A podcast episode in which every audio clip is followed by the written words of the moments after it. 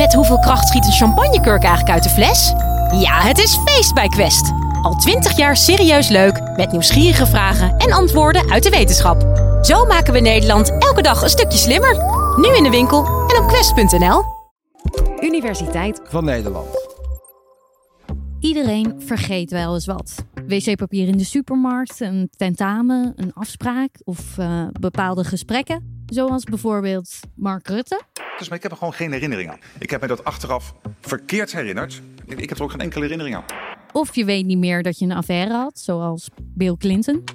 I have no recollection of that whatever. Geheugenverlies kan ook een rol spelen bij rechtszaken. Bijvoorbeeld in de moordzaak rondom de Amerikaanse politicus Robert Kennedy. Senator Kennedy has been shot. Is that possible? De dader, Sirhan Sirhan, verklaarde dat hij zich niets kon herinneren van het feit dat hij Kennedy neerschoot. I don't remember much what, what happened after that. You don't remember? I don't remember. Kan dit? De waarheid is toch iets anders. Dit is Marco Jedicic, hoogleraar neuropsychologie en recht. Hij verdiepte zich in rechtszaken waarin verdachten zich beroepen op geheugenverlies. Deze man die had in zijn dagboek had hij geschreven: Ik haat Robert Kennedy zoveel. Ik wil hem op die en die dag doodsmaken. En dat deed hij ook. Op die, precies die dag had hij hem doodgemaakt. En later heeft hij ook toegegeven dat hij zich de moord op Robert Kennedy nog heel erg goed kon herinneren. Had gejokt over zijn geheugenverlies. Sirhan is zeker niet de enige die dit deed. De hooggeplaatste nazi Rudolf Hess deed het ook. Hij claimde dat hij zich niets meer kon herinneren van zijn oorlogsverleden. Rudolf Hess was de plaatsvervanger van Adolf Hitler voor de Tweede Wereldoorlog. En die Hess, die, ja, die moest na de Tweede Wereldoorlog moest hij terecht staan. Die had hele afschuwelijke dingen gedaan.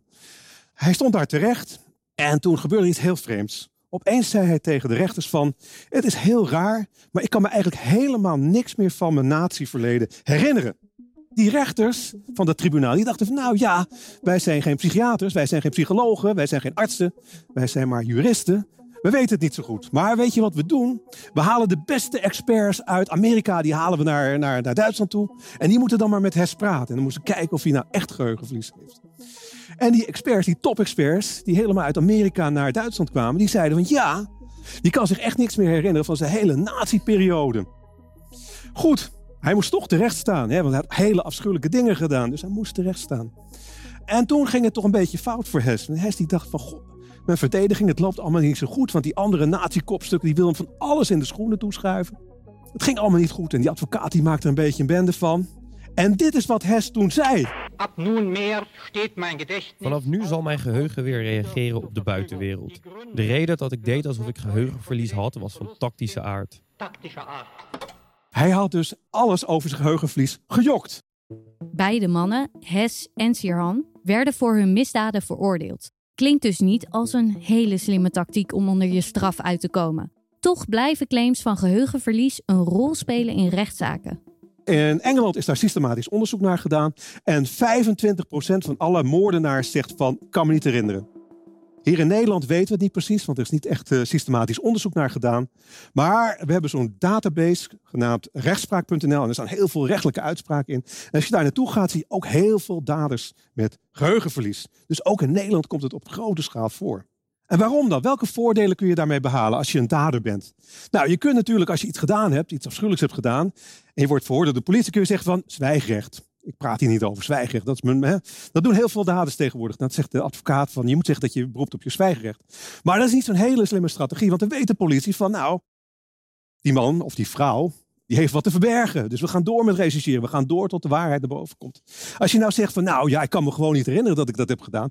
Dan zal de politie denken van, ja, zou het kunnen? Nou, laten we nog één keer verhoren. En als hij dan niks zegt, dan stoppen we er maar mee dus dat is een voordeel.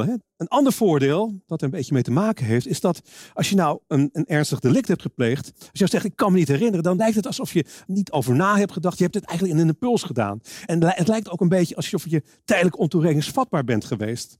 Er zijn in Nederland twee mensen, tenminste twee mensen, uh, uh, vrijgekomen of vrijgesproken. Dat waren daders die een afschuwelijk delict hadden gepleegd. En die zeiden, ik kan me niet herinneren.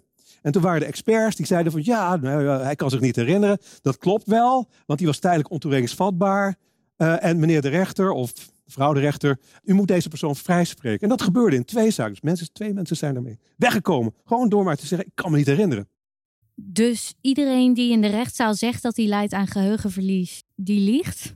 Nee, zo simpel is het ook weer niet. Het kan voorkomen dat mensen echt niets meer weten van hun misdaad. Maar het kan alleen in een heel speciaal geval. Diep in het brein ligt een hersenstructuur genaamd de hippocampus. En die hippocampus die zorgt ervoor dat informatie van het korte termijn geheugen naar het lange termijn geheugen gaat. dus die zorgt ervoor dat informatie in het lange termijn geheugen terechtkomt. Als je nou een tijdelijke verstoring hebt van die hippocampus, dan kan het zo zijn dat die informatie niet van het korte termijn naar het lange termijn geheugen gaat. En wanneer is dat het geval? Nou, als je heel veel drinkt. Maar dan moet je wel heel veel drinken. Dus niet één biertje, twee biertjes of drie wijn. Nee, echt stevig drinken. Je kunt ook GHB nemen. Het GHB dat verstoort ook die hippocampus. Heb je ook, kun je ook geheugenverlies krijgen. Of slaappillen. Op bepaalde slaapmiddelen, als je die neemt, kun je ook geheugenverlies door krijgen. Ik ben zelf getuigendeskundige geweest in één zaak. was een vrouw, die had afschuwelijk delict gepleegd. Die kon zich daar niks van herinneren. Maar die had slaapmiddelen genomen. Die slaapmiddelen die hadden haar hippocampus tijdelijk verstoord. En daardoor kon ze niet herinneren. Ze kreeg trouwens wel een behoorlijke straf. Maar dat kwam omdat ze een afschuwelijk delict had gepleegd. Nou zijn er uh, daders die zeggen van ja, weet je wat het geval is? Ik uh, was zo kwaad. Ik, werd, ik was gigantisch kwaad. En ja, toen ging eigenlijk bij mij het licht uit. Ik, ik trad buiten mezelf, het licht ging uit. En daardoor kan ik me niet herinneren. Dat zijn heel veel mensen die dat zeggen. Of heel veel mensen, heel veel daders die dat zeggen. En kan dat nou? Nee, dat kan niet. Want als je heel erg kwaad wordt, dan komen er allerlei hormonen in je lichaam vrij. En die hormonen die zetten een hersendeel eh, in werking genaamd de amygdala. Dat is een kern die ligt naast de hippocampus. En die amygdala die zet die hippocampus weer aan het werk. Die hippocampus gaat extra hard werken. En daardoor worden, als je heel erg kwaad bent of heel geëmotioneerd bent, dat soort gebeurtenissen herinner je veel beter dan neutrale gebeurtenissen. Dus het kan gewoon niet. Hè? Als je heel kwaad bent, daar kun je geen geheugenverlies van krijgen. Geveinsd geheugenverlies? Echt geheugenverlies? Hoe kan een rechter weten wie de waarheid spreekt? Daar hebben we tests voor ontwikkeld. En één test is de SIMS. Het idee achter die SIMS is dat als je nou een dader bent die geheugenverlies simuleert of feinst, dan weet je niet hoe het is om een echte patiënt te zijn. Je weet ongeveer, nou ja, het gaat om het geheugen. Maar je weet niet hoe het is om, om echt geheugenverlies te hebben. Die SIMS die bestaat uit allerlei, uh, een vragenlijst met allerlei hele bizarre, atypische symptomen. Bijvoorbeeld, de belangrijkste mensen, de belangrijkste gebeurtenissen in mijn leven, die waren plotseling weg. Nou zal een bedrieger, die zal zeggen, een bedrieger die geheugenverlies uh, fake, die zal zeggen, nou, het gaat over het geheugen, hier moet ik ja tegen zeggen.